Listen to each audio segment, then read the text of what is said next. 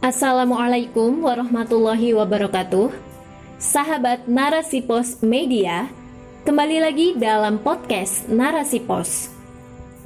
Dalam episode kali ini, saya Fani Ratu akan menemani Anda dalam rubrik opini. Pencitraan angka kriminalitas menutup kepedulian nasib umat oleh Muti Nidaul Fitriah. Di beberapa media daerah mengabarkan penurunan angka kriminalitas sepanjang PPKM, bahkan sebelum PPKM.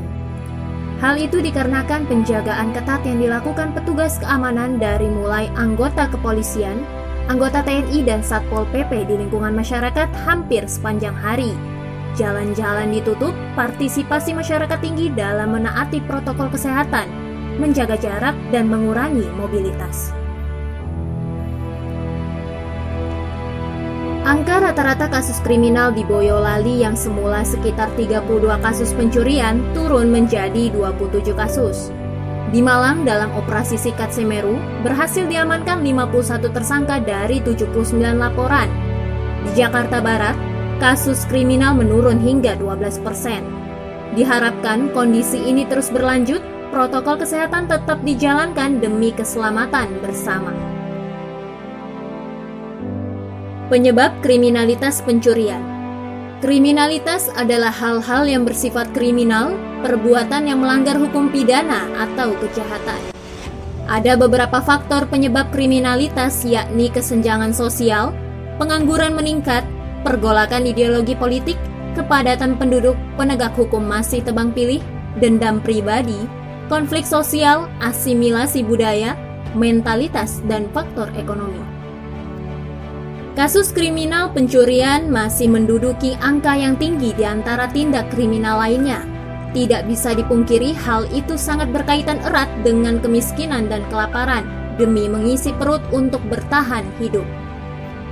Tampaknya inilah yang menjadi pendorong terbesar tindakan kriminal pencurian, penjambretan, pencopetan, bahkan perampokan.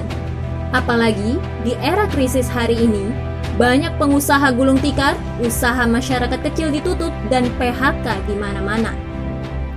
Saat citra kasus kriminalitas menurun ini dinaikkan, pernahkah di antara aparat keamanan atau bahkan penguasa negeri ini memikirkan urusan perut setiap rakyatnya?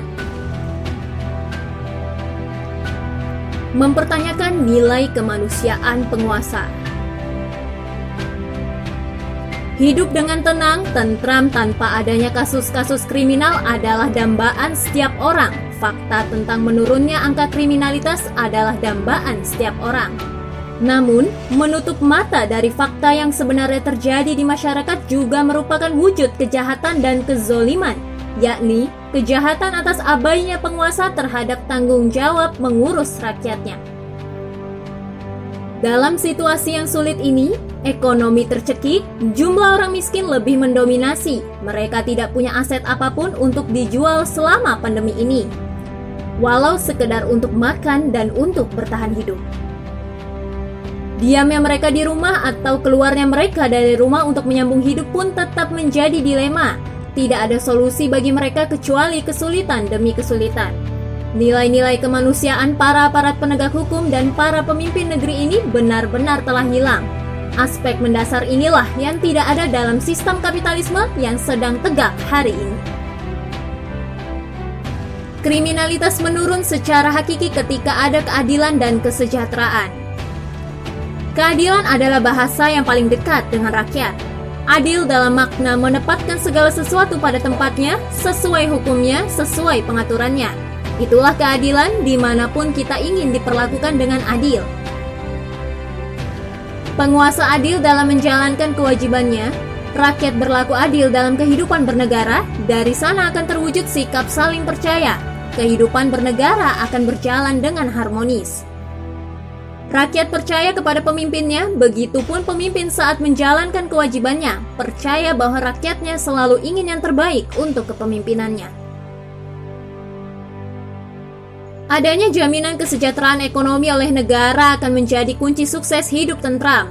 Saat perut-perut rakyat terisi dengan baik, setiap kebutuhan rakyat terpenuhi dengan baik, Apalagi diiringi dengan keimanan dan mentalitas rakyat yang baik tentang kehidupan, tentu kriminalitas pencurian dan berbagai tindak kriminal lainnya tidak akan terjadi seperti hari ini. Penerapan sistem bernegara sangat berpengaruh besar terhadap lahirnya pemimpin-pemimpin yang adil yang bertanggung jawab terhadap kesejahteraan rakyat. Kepemimpinan itu terdiri dari dua unsur, pertama individu pemimpinnya, kedua aturan atau sistem yang diterapkannya. Sebaik apa pun seorang pemimpin, tapi hidup dalam sistem yang buruk, sistem yang menghendaki kemaksiatan sebagai wujud ekspresi kebebasan, maka lambat laun akan mengantarkan rakyat dan negaranya kepada kebinasaan. Dari sistem yang buruk tadi, sistem yang tidak berlandaskan pada ketentuan yang sohih itu akan menjadi embrio lahirnya pemimpin-pemimpin yang korup, materialistik, buruk, rusak, dan merusak. Sistem Islam melahirkan keadilan dan kesejahteraan. Keadilan dalam negara itu bisa terwujud ketika kesadaran politik rakyat tinggi. Hari ini kita terus dinina bobokan dengan politik pencitraan, tidak ada edukasi politik yang baik, sebaliknya kita terus dipermainkan dalam agenda-agenda politik kotor penguasa dan sistem yang korup, yakni sistem kapitalisme demokrasi.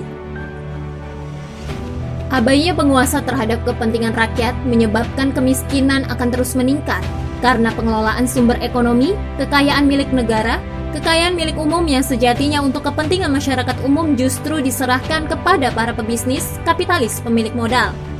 Ketika rakyat membutuhkan, mereka wajib membelinya, padahal itu milik mereka. Kita sangat perlu terhadap sistem bernegara yang memiliki aturan yang komprehensif, yang mampu melahirkan pemimpin yang cerdas, adil, dan bertanggung jawab terhadap amanahnya.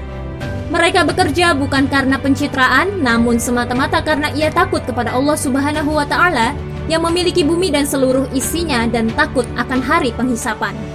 Dan ini hanya ada dalam sistem Islam, sistem bernegara yang bersumber dari Allah Subhanahu wa Ta'ala. Rasulullah Shallallahu Alaihi Wasallam bersabda, seorang imam atau pemimpin adalah roin, pemelihara dan pengatur urusan rakyatnya, dan ia akan dimintai pertanggungjawaban terhadap rakyatnya. Hadis riwayat Bukhari dan Muslim.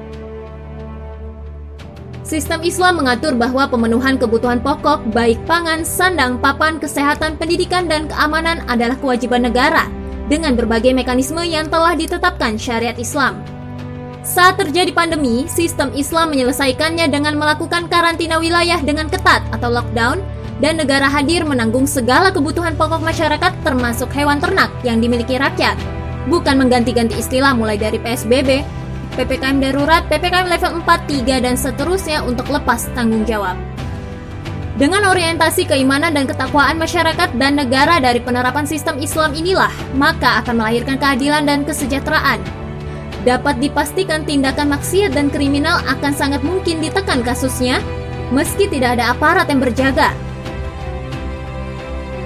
dengan kesadaran keimanan yang baik, membuat setiap manusia tertib dan takut kepada Allah di mana pun mereka berada. Jumlah kasus kriminal mungkin ada, akan tetapi jumlahnya dapat dipastikan hanya ada dalam hitungan jari, hanya sedikit. Wallahu a'lam bishawab. Wassalamualaikum warahmatullahi wabarakatuh.